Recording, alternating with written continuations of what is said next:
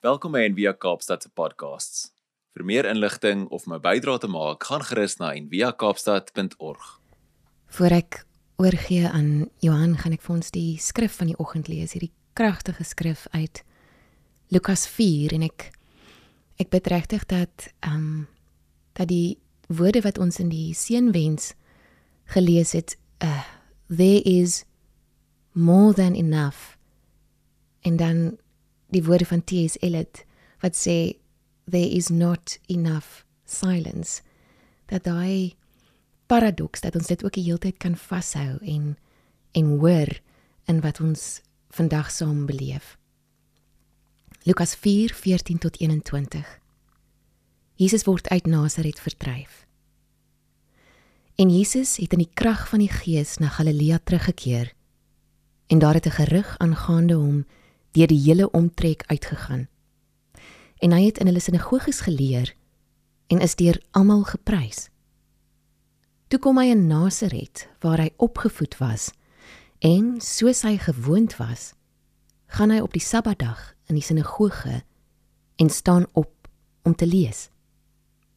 En die boek van die profeet Jesaja is aan hom oorhandig.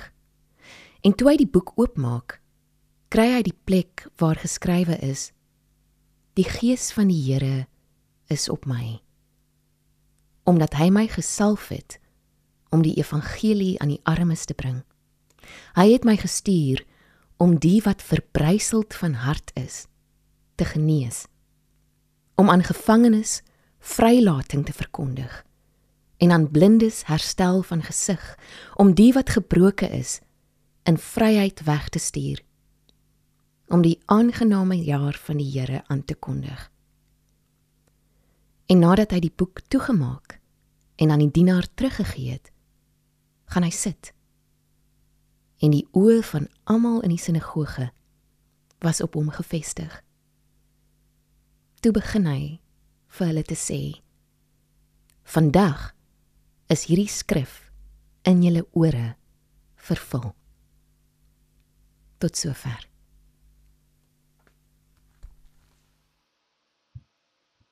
Vader, baie dankie vir die voorreg dat ons sommer net ver oggend hier by mekaar kan wees.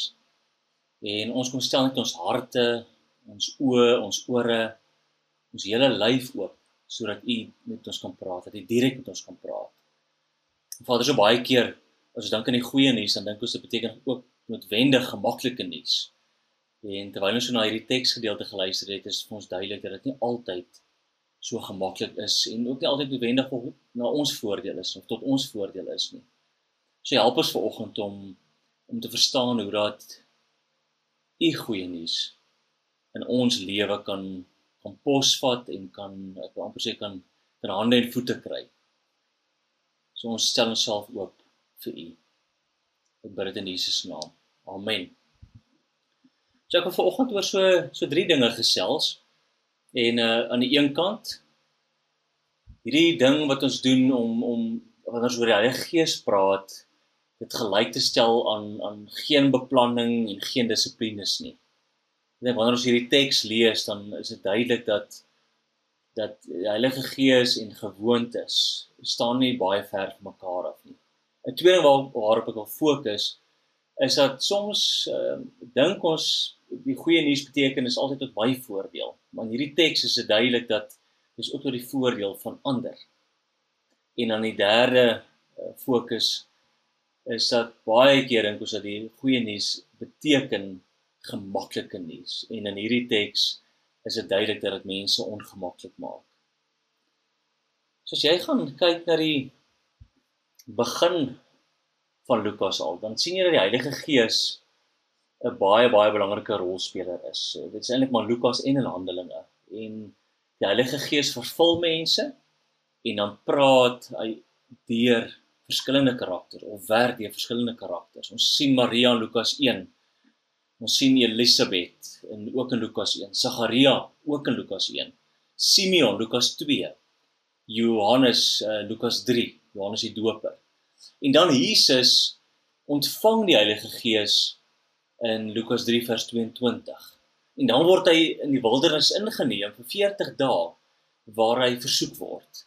en waar eintlik 'n groot geveg en 'n stoeiery aan die gang is. En dan kom hy terug gevul met die Gees. Uh daag Jesus in Galilea op en begin hy sy publieke bediening. En ons lees hier van in Lukas 4 vanaf vers 14 vol van die krag van die Heilige Gees het Jesus na Galilea toe teruggekeer. En kort verlang het almal geweet dat hy terug is. Jesus het oral in die sinagoges gepreek waar die Jode bymekaar gekom het om God te aanbid en die mense het groot respek vir Jesus gehad. En op 'n dag het Jesus na Nasaret toe gegaan waar hy groot geword het en ouer gewoonte het op die Sabbatdag na die sinagoge toe gegaan. So hier sien Lukas 4 Heilige Gees en gewoonte. En ek dink ons almal het 'n het soms 'n skeef getrek of 'n eensydige prentjie van die Heilige Gees. Ons dink dat Heilige Gees in in in uh, gewoonte of dissiplines pas nie eintlik by mekaar nie. Ons sal baie keer ook dan sê die Heilige Gees ehm um, is dit is hard, dit is loud, dit is ehm um, mos sal nie noodwendig die Heilige Gees beweeg om fluistering nie. So baie gemaklik dink aan die Heilige Gees as en dat die Heilige Gees beweeg of ek sê die Heilige Gees vervul wanneer ek impulsief dinge doen. En uh, beplanning is nou nie eintlik vir die Heilige Gees of nie. Ek ek self op 'n stadium by 'n plek gewerk waar ons goed in detail beplan, amper minuut vir minuut en as 'n mens nou hier toe gekom het en sê hoor, jy moet asseblief nie die Heilige Gees uitbeplan nie. Ja, nou dit kan soms gebeur dat jy ding so beplan dat daar geen ehm um, weet impulsiwiteit of spontaniteit is nie, maar maar die Heilige Gees baie net so 'n beplanning wat is in daai in daai oombliklike oomblik. Ehm um, dan sê ook baie keer mense dink maar die Heilige Gees is net waar 'n groot wonderwerke is. Um, en nie so seer in die dag tot dag vrug van die Gees. So nie in die seer en so seer die dag tot dag vriendelikheid, die dag tot dag selfbeheersing nie. En dit is eintlik um, dinge wat nie in die Heilige Gees is is both and. Dis nie die ene of die ander nie. Um, en dan met spontaniteit. Ehm uh, baie mense sê wanneer jy spontaan is, En jy sê sommer maar die, maar die Gees het my gesê en daarom doen ek nou hierdie. In daai oomblik sal mense dink jy's maar hierdie ou of of vrou het nou regtig die Heilige Gees. Maar wanneer mense sê maar ons moet gewoontes volg, ons moet 'n ritme sê in die lewe, dan daar baie mense sê maar dis nie Heilige Gees is nie daar nie. As ek kyk na verlede week wat wat Peer uh, gesels het oor Jesus wat ritmes volg of wat gewoontes volg. Ons sien ons sien dit in Jesus se lewe waar hy soms met en dan sonder ander mense is. Waar hy soms luister, een kant toe gaan luister en dan gaan doen hy. Wanneer hy graag na die Vader wil luister om gehoorsaam te wees en dan goed te gaan doen.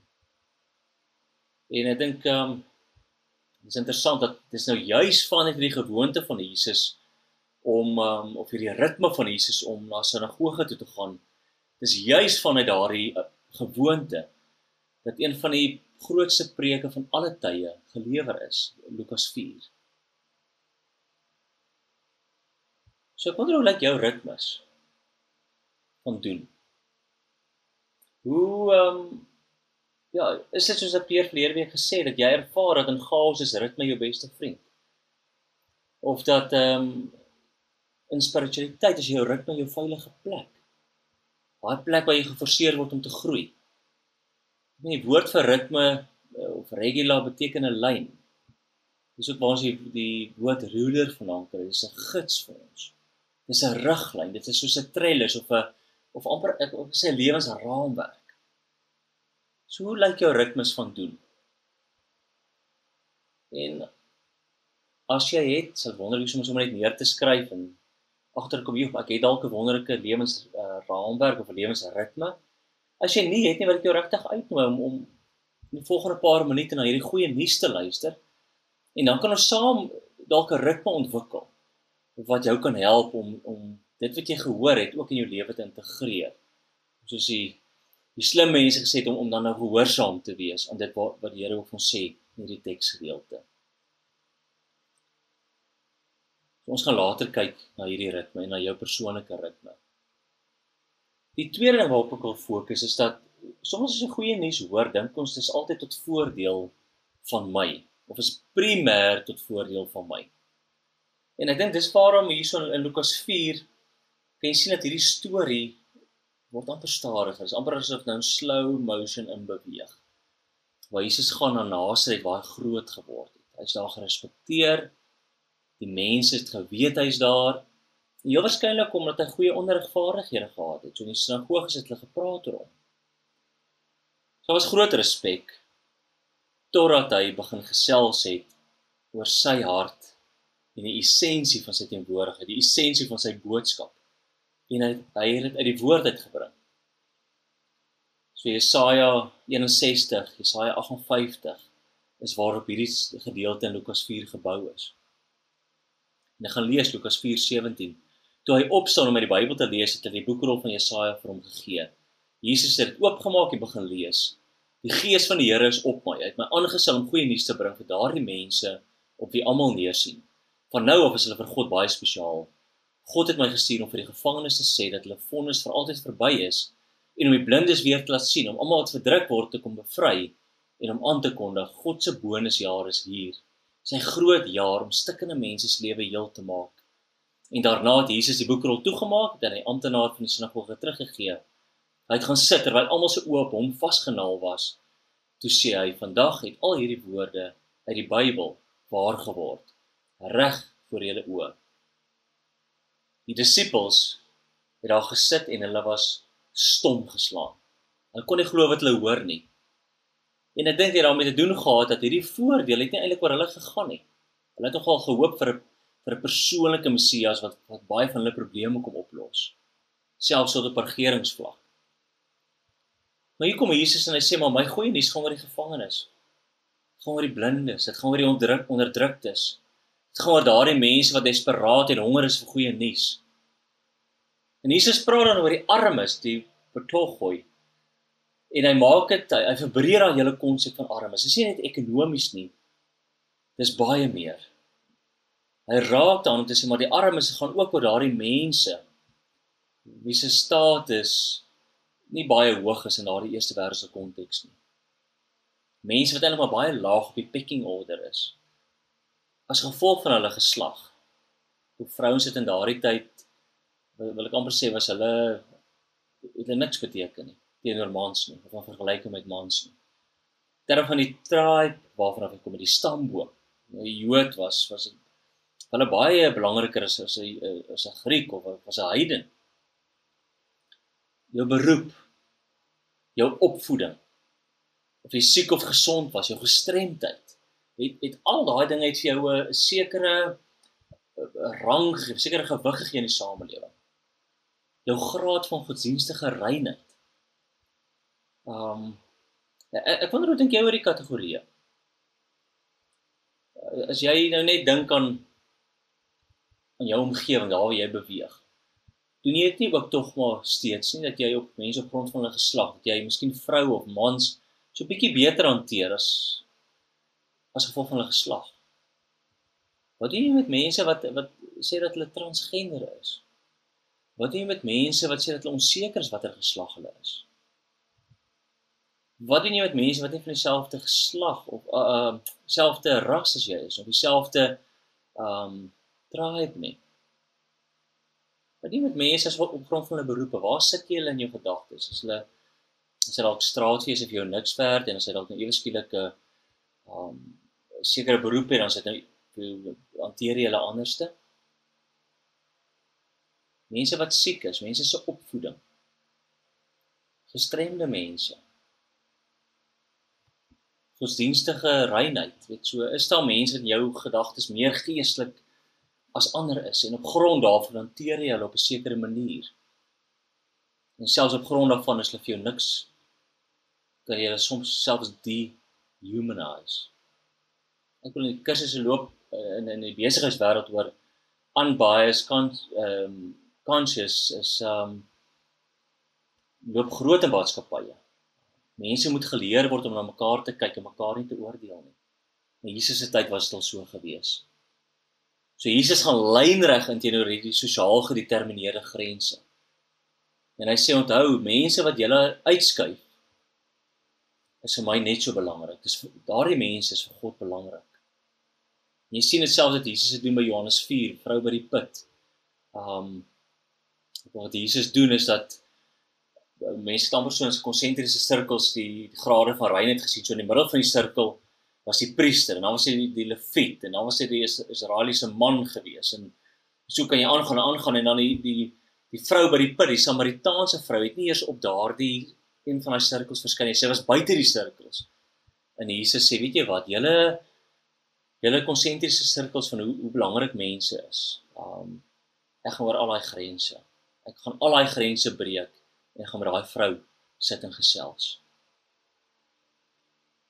So vir Jesus was hierdie nie uit geen voordeel hier ingehaat nie. Inteendeel mense het dit van baie moeilik gemaak omdat hy by daai vrou gaan sit het by die by die put. So die goeie nuus baie keer vir jou en vir my geen persoonlike voordeel in nie. Dan hierdie goeie nuus is soms ongemaklike nuus. Hier kom die Here En ag hier kom Jesus en hy hy kondig die jaar van die Here se guns aan. Kom jy uit Levitikus 25 uit as jy 'n bietjie meer daar wil gaan lees. En hierdie jaar was die idee gewees dat dat uh, gevangenes vrygelaat sal word, dat skuld afgeskryf word, eiendomme terugbesorg word aan families wat dit verkoop of verhuur het. Is 'n jaar van 'n radikale restaurasie. Nou daar's mense wat sê daar's eintlik maar nie baie bewyse dat hierdie jaar van radikale restaurasie regtig plaasgevind in Israel nie. Ehm um, dis meer geprojekteer as 'n as 'n toekomstige of 'n eskatologiese hoop. En die luisteraars luister hierna en hulle stom geslaan aan die een kant, maar aan die ander kant maak dit hulle so kwaad.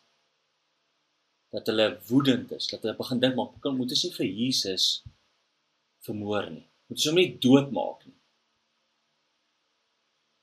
So vir sommiges van hierdie mense gesê was dit goeie nuus, hierdie jaar van die Here se guns. Dit klink great. As dit my vir toepassing is, as ek hier voordeel gaan trek. Maar die oomblik toe Jesus in hierdie nitty-gritty begin ingaan van wat beteken dit? Dis radikale redistribusie van eiendom. Dis ongemaklik, is ongewild. Hy sê maar jy moet van soms van jou eiendom ontslaa raak, van jou rykdom ontslaa raak.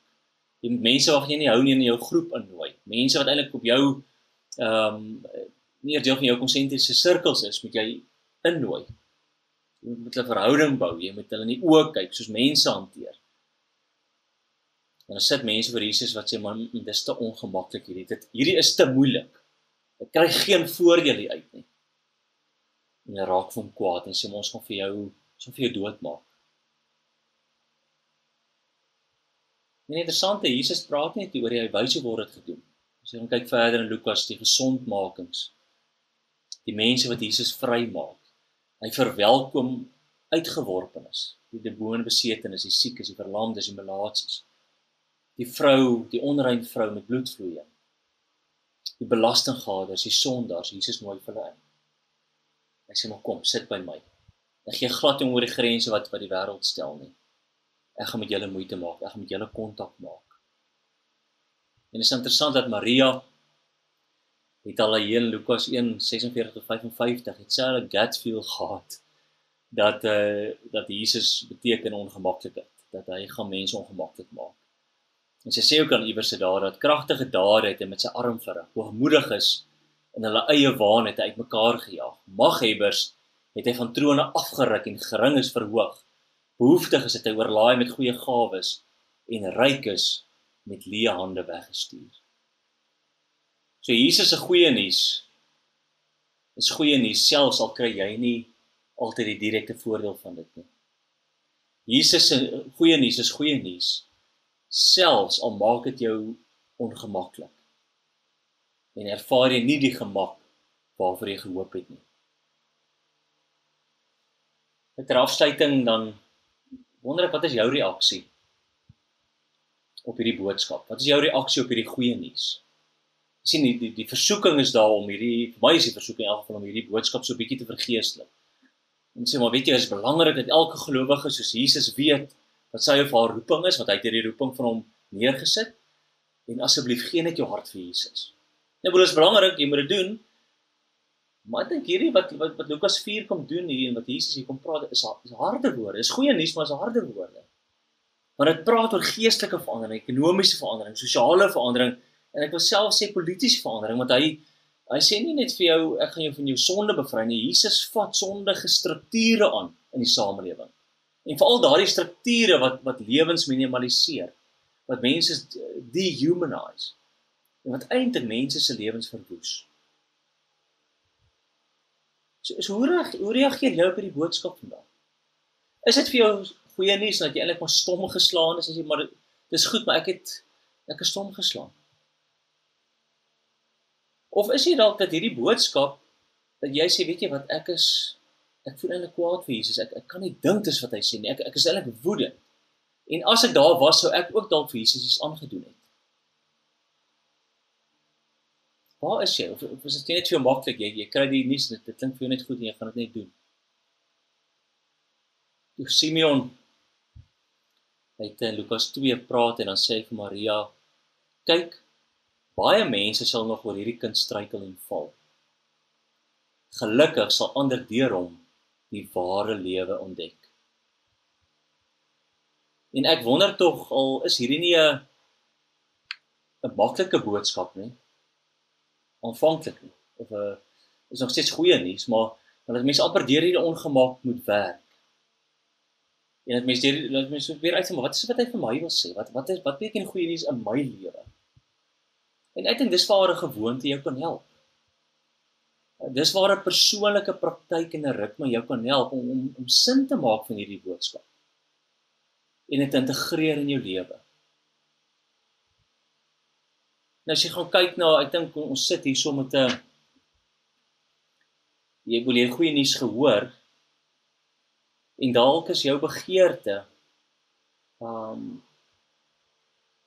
dat ander mense voordeel trek uit hierdie goeie boodskap en dat ander mense wat onbeskermd is dat hulle beskerm word en dat mense wat voorheen onregverdig behandel word dat dat jy hulle kan help om om regverdiger behandel te word. Jy, jy wil iets gaan regstel.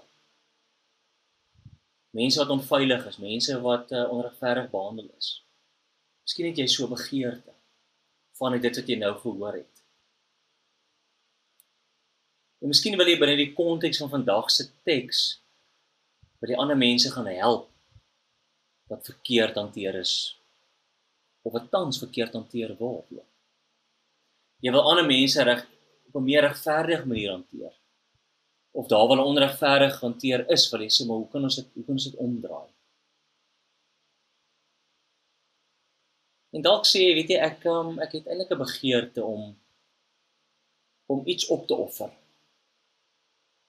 sodat geregtigheid kan plaasvind. Ek, ek ek wil iets vir myself gee sodat ander mense ook vryheid kan beleef.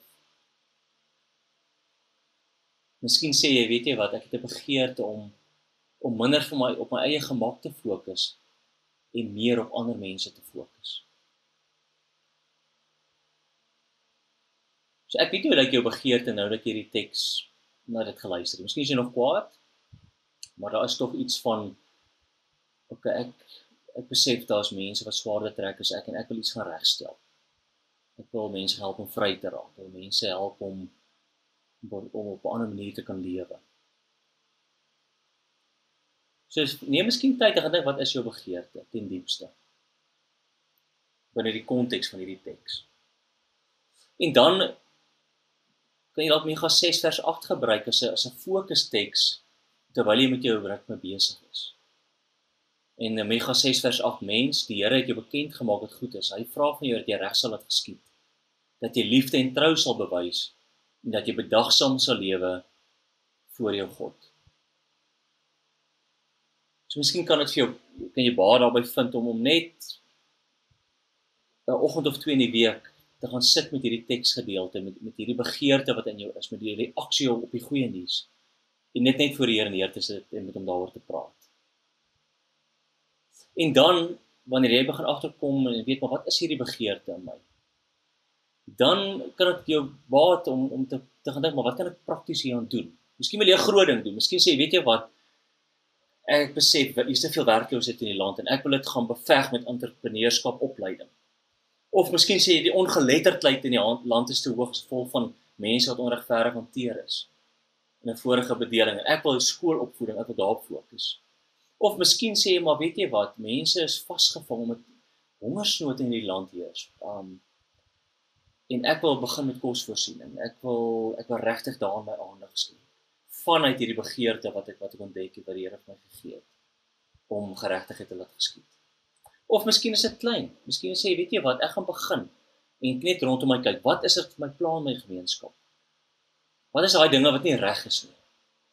Ons op 'n stadium met ons se bediening begin wat net gefokus op die dinge wat nie reg is nie. Ons het gesê dis nie reg dat mense alleen doodgaan nie. Dis nie reg dat mense honger is nie. Dis nie reg dat mense veroordeel word vir wat hulle nie glo vir wat hulle glo nie. En dis nie reg dat mense onmenswaardig behandel word nie. En ons het daar rondom met 'n paar aksies uitgewerk. Maar wat is volgens jou nie reg in jou omgewing nie? En begin begin daarna te kyk. So kom ons sê jy sê dis nie reg dat mense honger is nie. Gaan kyk wat het jy in jou hand? Wat se het jy dalk geld wat jy kan gee? Het jy dalk tyd wat jy beskikbaar kan stel? Het jy dalk geleenthede wat jy vir mense kan bied om hulle honger aan te spreek? Het jy dalk goedere, het jy iets om te gee uh, sodat mense nie so honger is nie? Of het jy dalk 'n diens wat jy kan lewer wat ooit se vir mense dalk 'n werk kan gee of wat kan help om vir mense kos te gee? So jy ontwerp jou eie praktyk, jou eie ritme van geregtigheid om eerlik te wees oor jou reaksie op Jesus se goeie nuus, om eerlik te wees oor jou begeerte wat jy beleef, hoe om dit reg te stel en dan om dalk 'n fokus teks te kry soos Mega 6 vers 8 en en daardie teks gereeld in hierdie week mee te sit. En dan laastens om te kyk maar wat kan ek prakties doen met dit wat ek in my hand het, my geld, my tyd, my geleenthede, my goedere en my diens.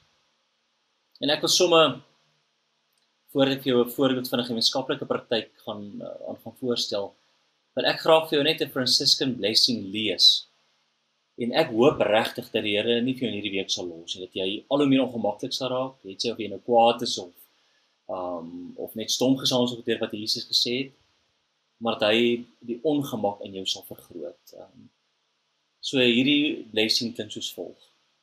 My God bless you with discomfort at easy answers, half truths and superficial relationships so that you may live deep within your heart.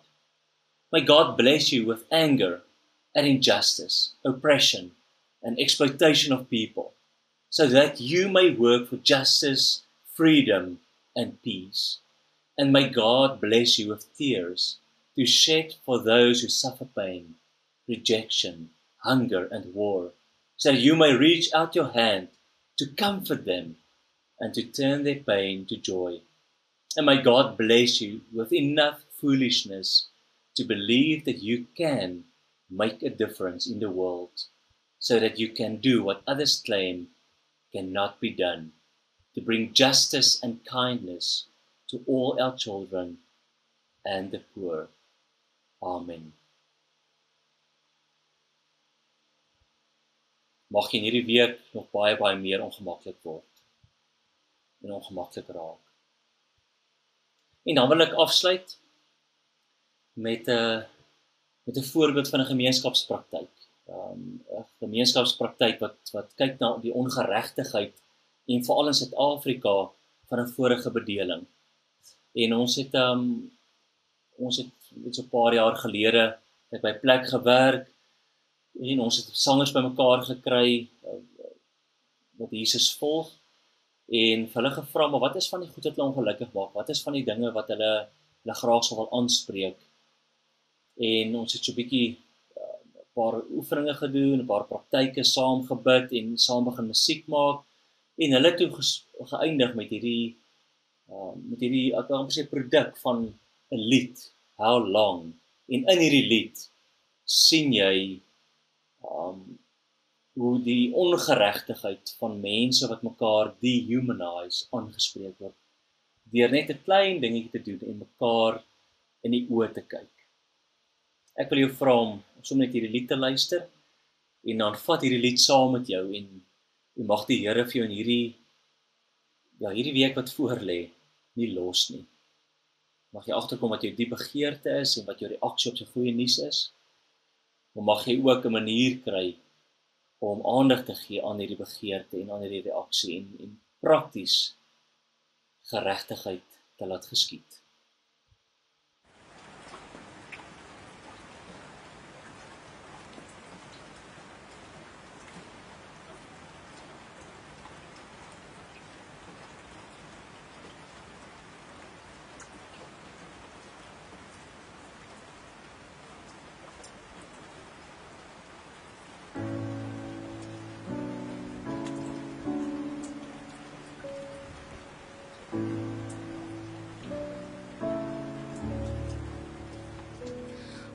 Onderdruk deur die geskiedenis van my taal. Ek smoeg dat dit my waarde moet bepaal. Sal jy ooit glo my intensie is opreg?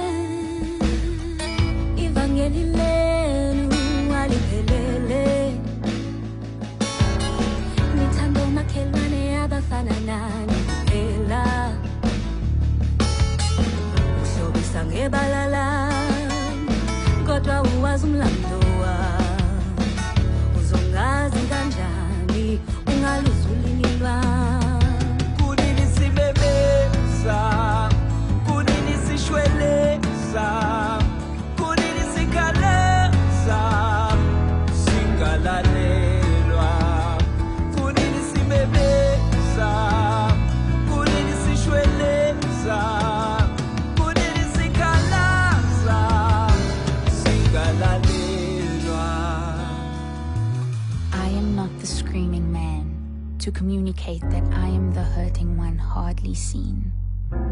Enough for a quota, but too hybrid for a rainbow dream. Ek oordeel met salut en as ek sing kry ek moed om te sê dat ons nie gangster kaarte sien. Ja.